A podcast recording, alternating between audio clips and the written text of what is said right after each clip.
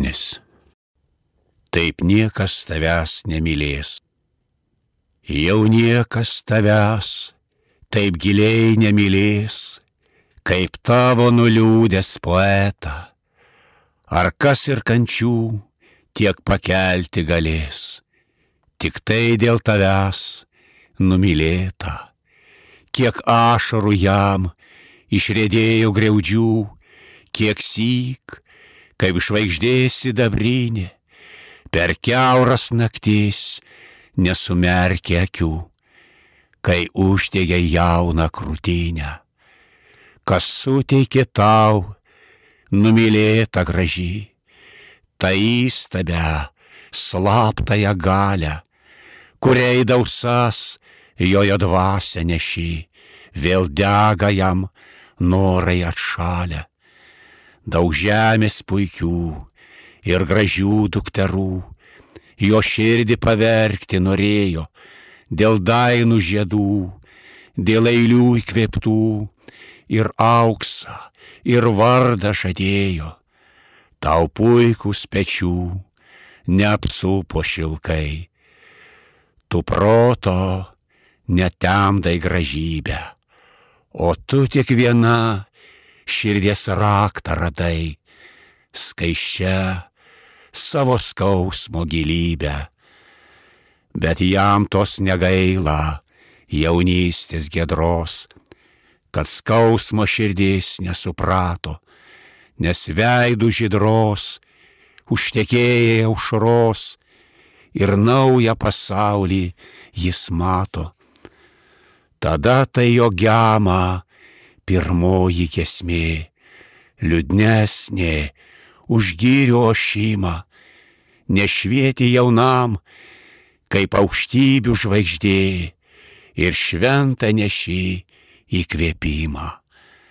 Pasklydo gesmė po tą šalį toli, kur nemono vandenys bėga, pažino tave ir pamilo visi, ir rūmai, ir sodžių sermėga, poetams kitiems numylėta ranka, iš laurų vainiką nupynė, to jį nors atmint, ar atminsi kada tu jo numylėta tėvynė. Labadiena, mėly Marijos radio klausytojai. Šiandien aš pakalbėsiu apie mūsų didįjį klasiką Joną Mačiulį Maironį.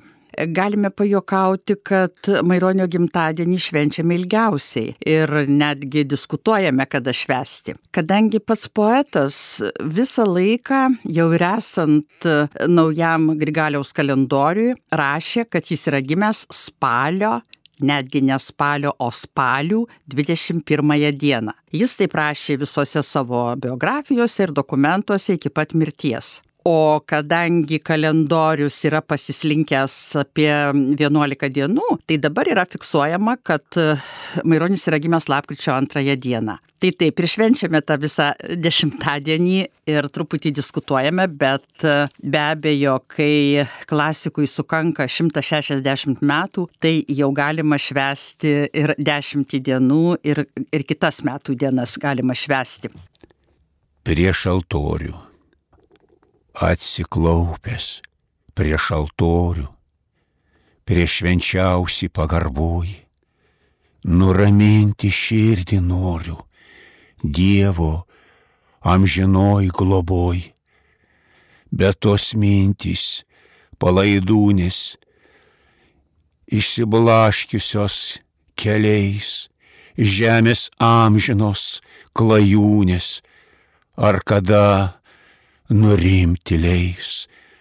Me kulpa į krūtinę nusižeminęs mušuos, spindi siela diamantinė, spindi ašarų lašuos. Apie Maironį, aišku, reikia sugrįžti, laikas nuo laiko pakalbėti, prisiminti. Ir kaip jau užsiminiau, šiemet yra jubiliejus 160 metų. Jau Maironis daugiau yra nebūtyje 90 metų, negu buvo būtyje 70 metų. Bet vis tik tai jo eilėraščiai jo mintys pasakytos įvairiais momentais, klerikams, visuomeniai vis tebėra labai aktualios. Uosis ir žmogus. Amžiaus ilgus metus augo uosis gražus ir augo ir lapai žaliavo, tarp pakalnių plačių, tarp beržų, drebulių viršūnės jis nelenkė savo. Daužė jį viesulai, nedrebėjo jisai, puikiai ir iš aukšto žiūrėjo. O kai žvaigždės nušvis, per žvainasias naktis, jautriai apie meilę šlamėjo.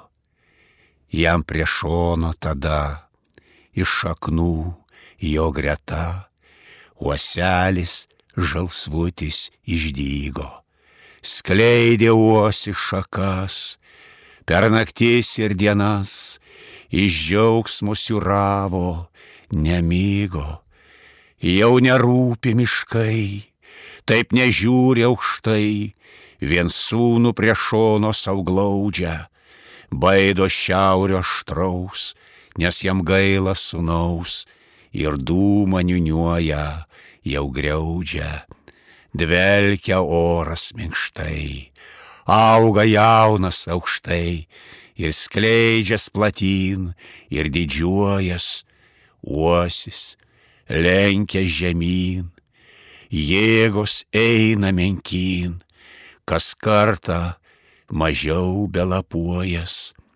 Štai atėjo žmogus, blizga kirvis aštrus, pakirto ilgmetį užgavęs, jauno uosio pečiai sudrebėjo baisiai, žaliuoja tačiau, kaip žaliavęs, iš kamieno tiesaus, dročiai karstų išpjaus, lentų, nes tėvai susenėjo, o viršūnę tašys, vygė bus ir lopšys, nes kūdikis klykti pradėjo.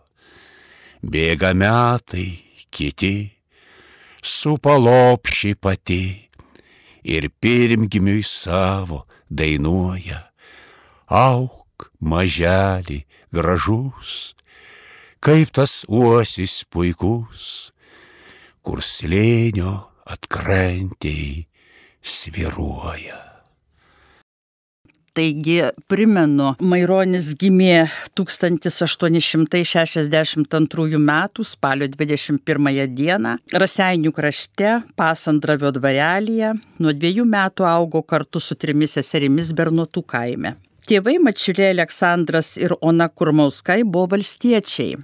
Tėvas ypatingai sumanus, šviesus žmogus, puikus ūkininkas, su sunumi dažnai kalbėdavo apie Lietuvos istoriją, kunigaikščius, jų didybę, pasakodavo įvairias istorijas. Su Jonuku tėvas netgi lankėsi Kaune pas vyskupą Valančių ir Valančius suteikė Jonui sutvirtinimo sakramentą ir davė Stanislovo vardą. Todėl mes kai, prie kai kurių Maironio rašinių randame vardą Stanislovas arba dvi raidės ST. Mano gimtinė. Ten, kur nemunas banguoja, tarp kalnų lankų, broliai vargdieniai dėjuoja nuo senų laikų. Ten močiutė užlingavo, raudomis mane, į krūtinę skausmą savo lyjo nežinia. Gėrios užė ten, minėjo praeities laikus, kai lietuvis netikėjo, jog be laisvių bus. Ten apleistos pilis griūva, ant kalnų aukštai, milžinų ten kaulai puva, verkia jų kapai. Ten užaugau, iškentėjau, aš kančias visas ir pamėgau, pamilėjau, vargdienių dumas, o tos dūmos vargdieninės greužia kai kada, tartum rūdys geležinės, amžina žaizda. Kai Jonas baigė gimnaziją, niekas jo nevertė nei kunigų seminariją stoti, nei dar kur nors. Išvažiavo jaunuolis į Kijevą studijuoti literatūrą. Bet čia yra tokių ir gal ir paslapčių, ir, ir gal nepaslapčių. Pasimokęs ten gal tik vieną semestrą, jis dar Kijeve truputį pagyveno keletą mėnesių, padirbėjo namų mokytoju ir metęs studijas grįžo į Lietuvą, atvažiavo į Kauną ir savo norų įstojo į Kauno kunigų seminariją. Ir tik tada pasisakė savo tėvams, kad jis jau yra seminaristas. Tai tas teiginys, kurį kartais girdžiu, kad e, Maironis beveik tėvų prievartą įstojo į kunigų seminariją, yra absoliučiai neteisingas. Jis įstojo savo noru ir manyčiau labiausiai galvodamas apie darbą Lietuvai. Nes tuo metu carinėje Rusijoje baigę kitus mokslus jaunuoliai būdavo paskiriami į kokią nors Rusijos guberniją e, dirbti daktaru ar mokytoju ar dar ko nors, o kunigams buvo leidžiama sugrįžti į Lietuvą. Tad manyčiau, kad tas patriotinis jausmas jame jau stiprus buvo jaunystėje ir pasirinkimas kunigo kelio buvo logiškas. Nepranašas, aš nekovot, aš ne žmonių mokinti, aš Dievo įkvėptas gėdot sulyra giesmės pinti. Einu savo viešpaties taku, bjauriuosi melagybę, į širdį giesmėmis šneku, joj žadinu dievybę. Dar noriu priminti, kad Maironio pirmoji knygelė tai nėra pavasario balsai. Pirmoji jo knygelė yra pavadinimu apsakymai apie Lietuvos praeigą kurią jis išleido 1891 metais Stanislovo Zanavyko slapyvardžiu. Knygelę jis parašė tuo tikslu, kaip pats sako, kad norėjo savo brolius supažindinti su Lietuvos praeiga ir parodyti, kokia yra iškili Lietuvos istorija. Aš norėčiau prikelti. Aš norėčiau prikelti nors vieną senelį iš kapų milžinų ir išgirsti nors vieną, bet gyvą žodelį iš senųjų laikų. Gal poezijos naują pasemčiau šaltinį, tik ne tą šiandieninį, kur sirūba ir dvasia paskolintą gavo, oi ne savo, ne savo, gal išklausčiau tada, kur tos kanklės auksinės, vaidelučių garsių, kai jas pirštais palieščiau, užkaistų krūtinės, nuo balsų įstabių, sudrebėtų kapai, ne kapai didžiavyrių, užmigdyti tarp gyrių, tik užmirusios mūsų krūtinės be žado, be idėjos, be vado, pranokėjų kalba nebeviešne gal būtų po bajorų dvarus, gal tiek anškeliais, brolių lietuvių nežūtų po kraštus svetimus. Gal suprastų tada, ką jiems nemona šneka, kai nakčia mėnuo teka, ko tos tamsiosios gyrios greudingai vaitoja, apie ką jos dumoja veltui mano troškimai, prikelti senelį iš kapų milžinų. ir išgirsti nors vieną, bet gyvą žodelį iš senovės laikų.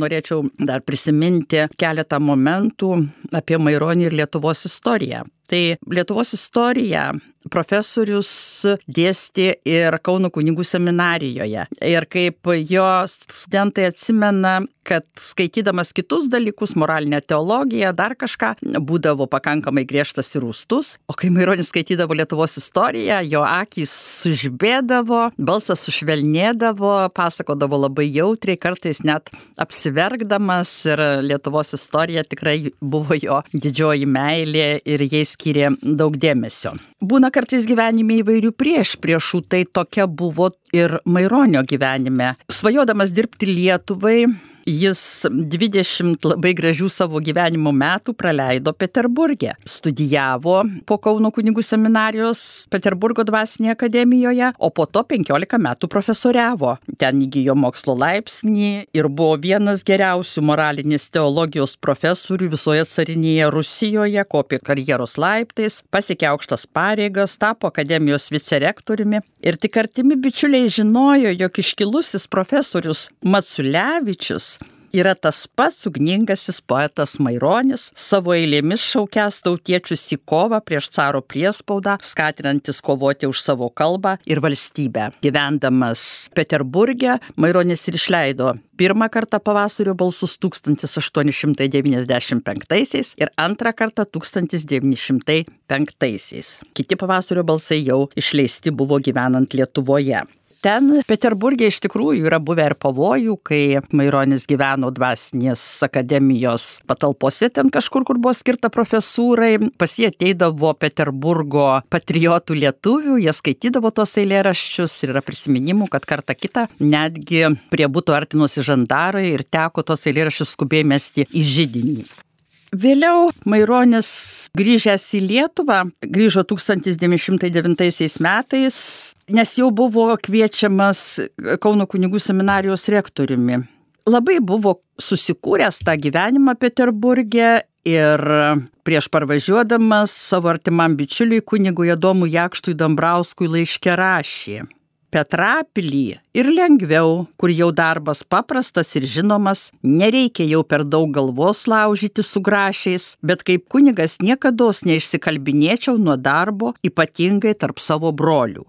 Ir e, iš ties jau pripažino, kad gana svetimam krašte lesinti paukščius, jeigu Lietuva kviečia, jis turi tučto jau ir grįžti. Grįžęs į Kauną, kaip žinome, nusipirko didelius rūmus Rotušės aikštėje, nusipirko ne iš godumo, o dėl to, kad kiti profesoriai jį čia įkalbinėjo, jog reikia sulietuvinti Rotušės aikštę, kad tuose rūmuose marširuoja caro kareiviai su arkliais ir taip toliau. Tai Maironis turėdamas pinigų susitaupęs, dar pasiemė 25 tūkstančius aukso rublių iš Vilniaus banko paskolą ir tokiu būdu tuos rūmus nusipirko, restauravo ir tą kampą Rotušės aikštės tikrai išgražino. Bet svarbiausias toks jo uždavinys buvo atkurti, pagerinti Kaunų kunigų seminariją, pačią seminariją, jos pastatus ir klierikų gyvenimo sąlygas. Ir pakelti mokslo lygį.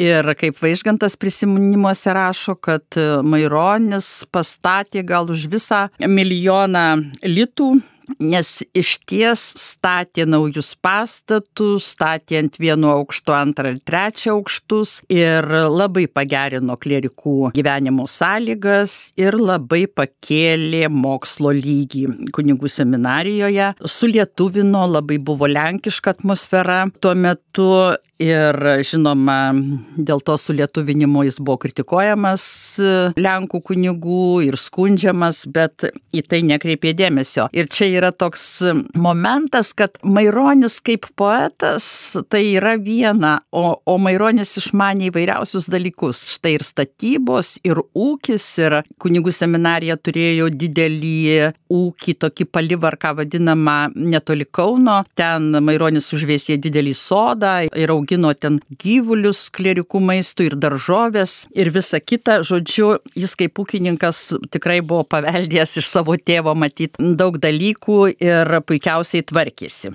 Lietuvoje gyvendamas Maironis labai norėjo, kad vis tik Lietuva išsivaduotų, kad paskelbtų nepriklausomybę. Jis ypatingai sekė tuos žingsnius ir 1917 metais važiavo į Šveicariją, į Berną, kur, kaip žinome, buvo konferencija. Ten jis ir pasisakė ir man patinka jo tokia mintis, apie mažumų teisės, kad taip reikia jas saugoti, priimti kitų tautybių žmonės gyventi draugiškai, bet ir tos kitos tautybės, tos mažumos turi galvoti apie Lietuvą ir galvoti apie jos gerovę ir dirbti vardan Lietuvos. Na, o kai 1918 metais Vasario 16 dieną buvo paskelbta Lietuvos nepriklausomybė. Maironis iš ties išgyveno didelį dvasinį pakilimą ir džiaugsmą. Ir jis vylėsi, jog ir toliau valstybę kurs idealų ir tėvynės meilės persmelkti piliečiai. Jis stebėjo Lietuvos vystimasi tarsi per padidinamą į stiklą ir jau po poros metų, sakydamas kalbą vasario 16-ąją, prisipažino, jog yra šiek tiek nusivylęs, nes valdininkai reikalauja užmokesčio ir nori savo šiltų vietelių, o Maironis vis tebe troško, kad Lietuva būtų stipri savo dvasia kad pasakytų pasauliui, štai esu nauja, pajėgi kūrėja.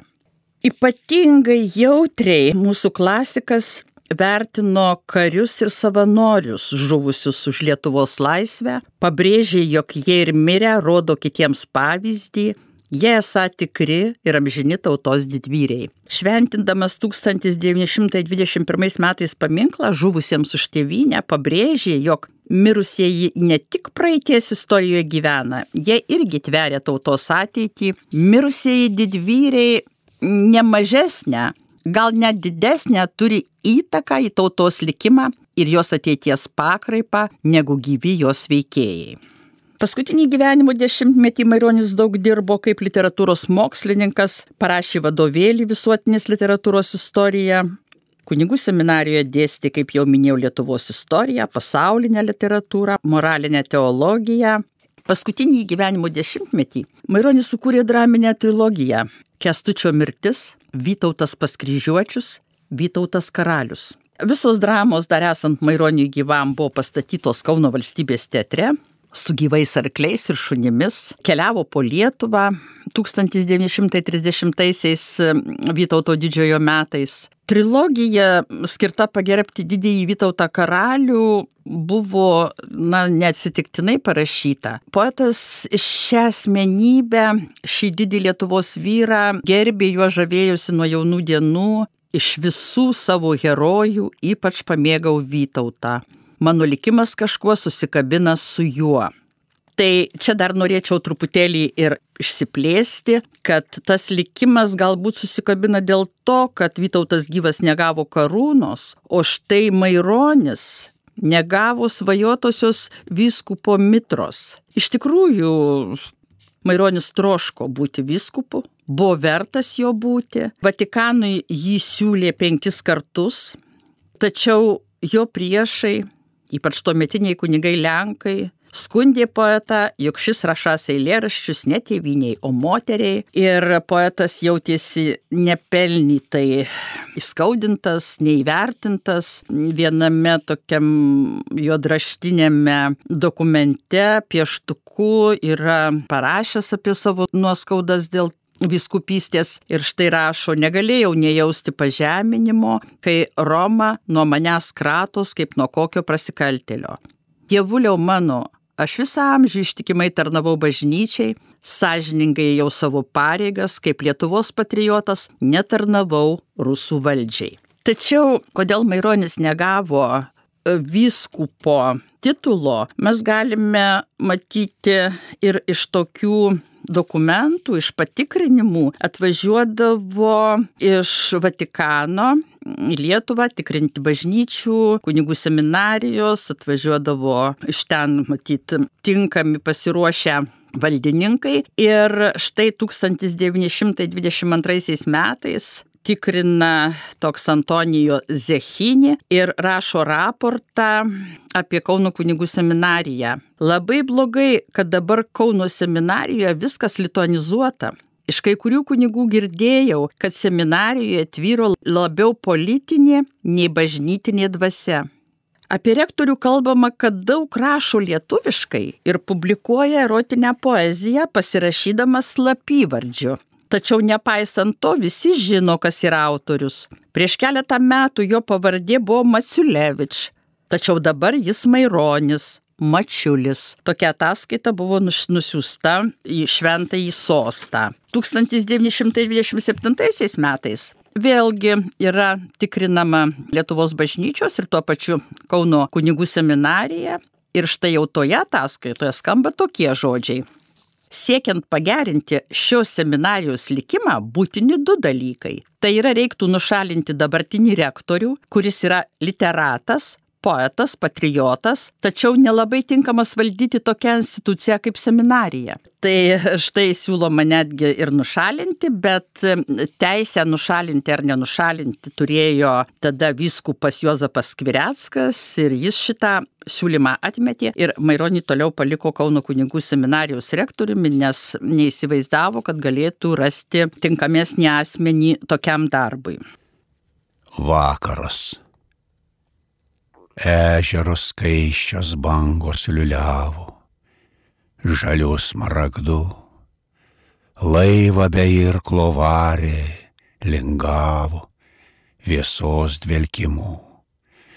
Saulė už alpių leido sustingus, varpai liucernos, Dievui aukojo darbus vargingus, žmogaus ir gamtos. Medžio ant saulės kepintas lapas, nuspindo rasa. Rožių iš kalno paputė kvapas, skanės veikata.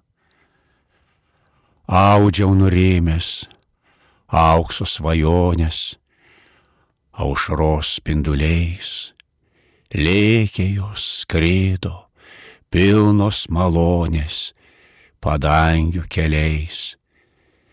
Vedėjas paukščių, kelias žvaigždėtas, lydėjo širdys į tolimasias, į numylėtas tėvelių šalis. Kiek atminimų, atsitikimų, gyvų kitados, vienas už kito, brėško ir švito, anapus ribos.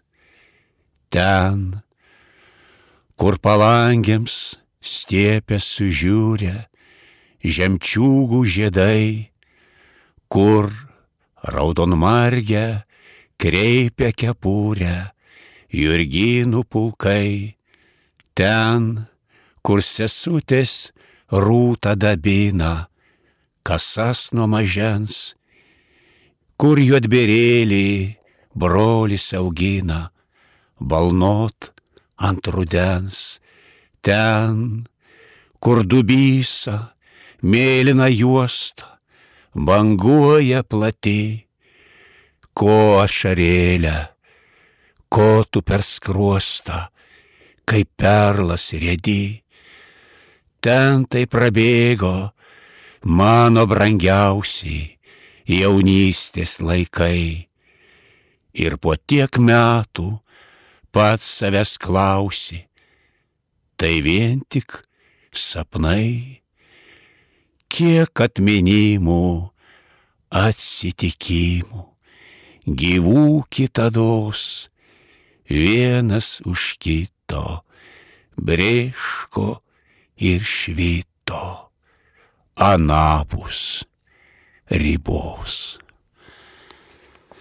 Taigi Maironis iki pat mirties aktyviai dalyvavo Lietuvos ir laikinosios sostinės visuomeninėme bei kultūrinėme gyvenime. Jis buvo kviečiamas į visus iškilmingus valstybinius minėjimus, svarbius Seimo posėdžius, taip pat palaiminti iškelių naujų pastatų, bankų, muziejų, bažnyčių, ligoninių, uostų. Su juo bendravo prezidentai ir valstybės aukštuomenė. Jis dalyvaudavo aukštų užsienio svečių prieimimuose, nes mokėjo septynias kalbas, turėjo diplomatinių sugebėjimų, išmanė ne tik Lietuvos politinio gyvenimo peripetijas, bet puikiai orientavosi Europos, net pasaulio įvykiuose. Labai vertinga yra tai, kad pats Maironis prisipažino, jog jis nėra geras oratorius. Ir eidamas šventinti tų mano minėtų objektų, jis pasirašydavo kalbelę, kurią pasakydavo šventindamas, tos jo kalbos būdavo prasmingos, gilios, įdomios, poetiškos. Ir tos kalbos išliko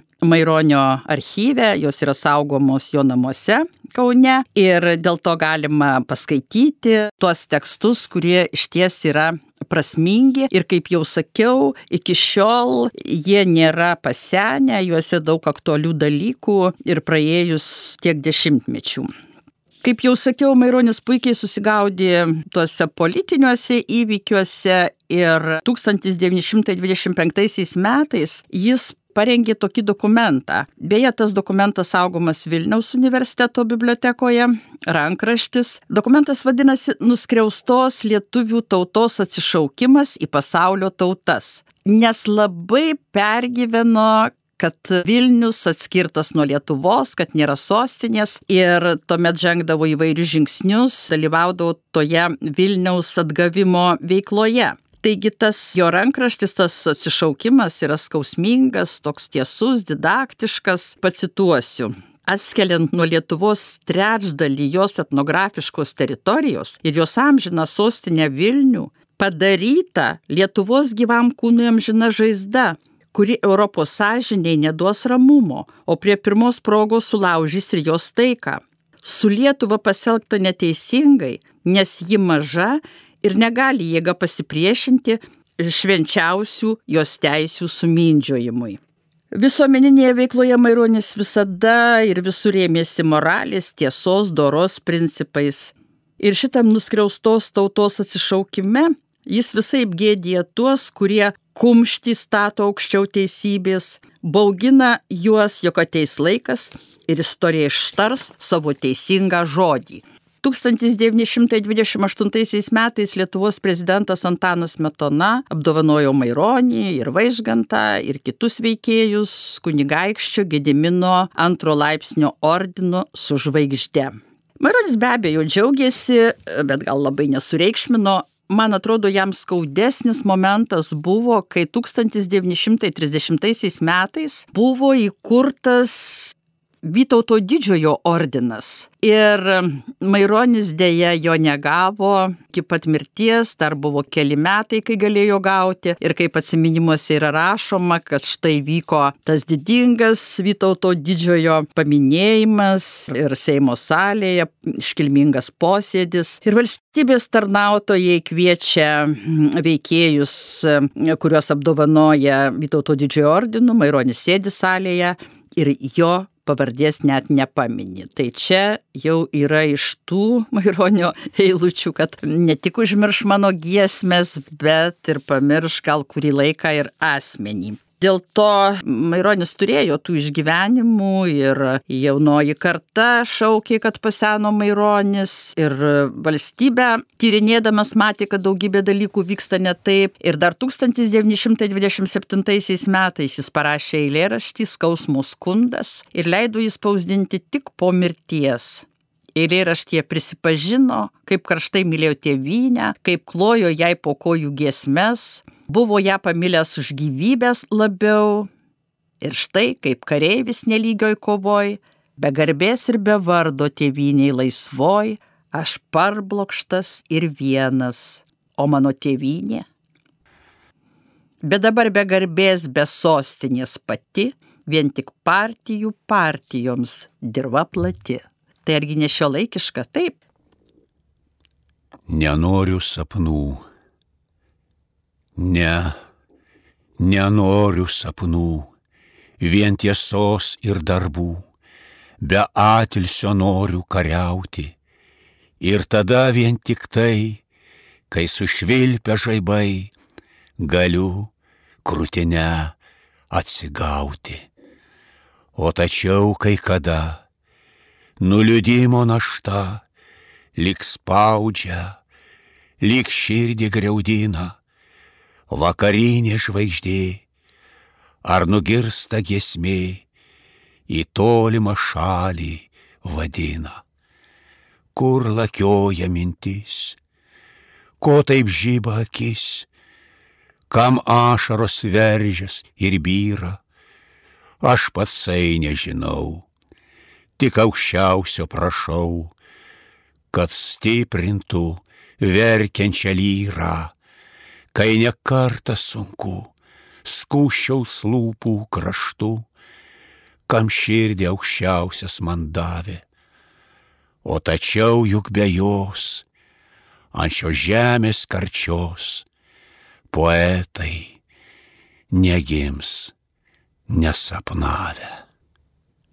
Maironis rėžė tiesą į akis ir savo aštriuose satyrose ir kartais žurnalų redaktoriai gavę Maironio satyrą bijodavo išspausdinti, netgi bandydavo pataisyti nuo savęs, sušvelninti, tačiau autorius nenusileisdavo, neždavo į kitą leidinį ir dar į kitą ir reikalaudavo paskelbti kaip parašęs. Na, nepaisant, kad nepriklausomos tėvynės gyvenimas, valdininkai ir klerkai šiek tiek nuvylė jau senstantį poetą, idealistą ir romantiką, galėjusi dėl Lietuvos pasiaukoti iki kaulų smegenų.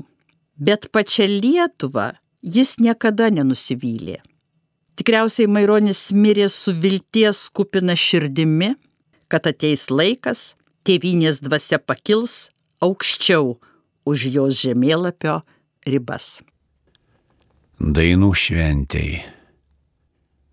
Dainų dainelės, aidų aidais, skambiai plačiai, tvirtai, galingai, per kalnų kalnus, miškais, laukais, lengvai, rimtai ir sutartingai į vieną gyją susipinę, aplėkit Lietuvą, tėvynę, skambiai, plačiai, galingai.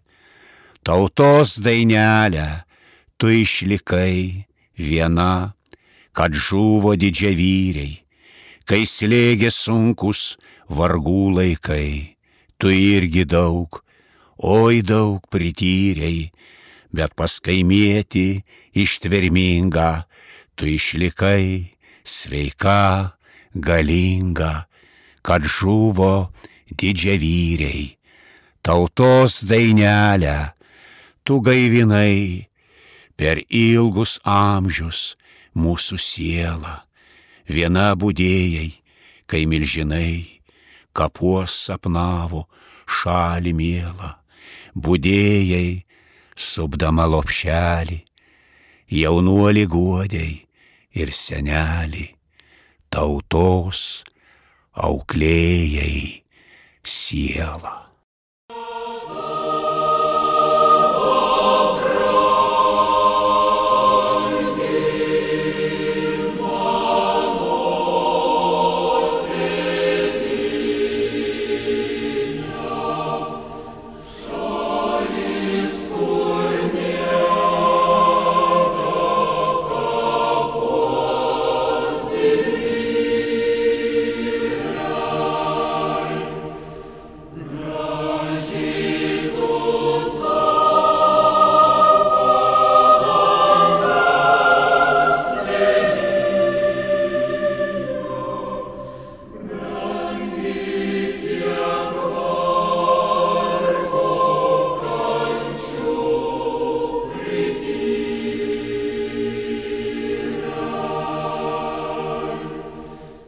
Laidą vedė rašytoja muziejininkė Aldona Rusatskaitė. Maironio eilę skaitė aktorius Petras Venslovas.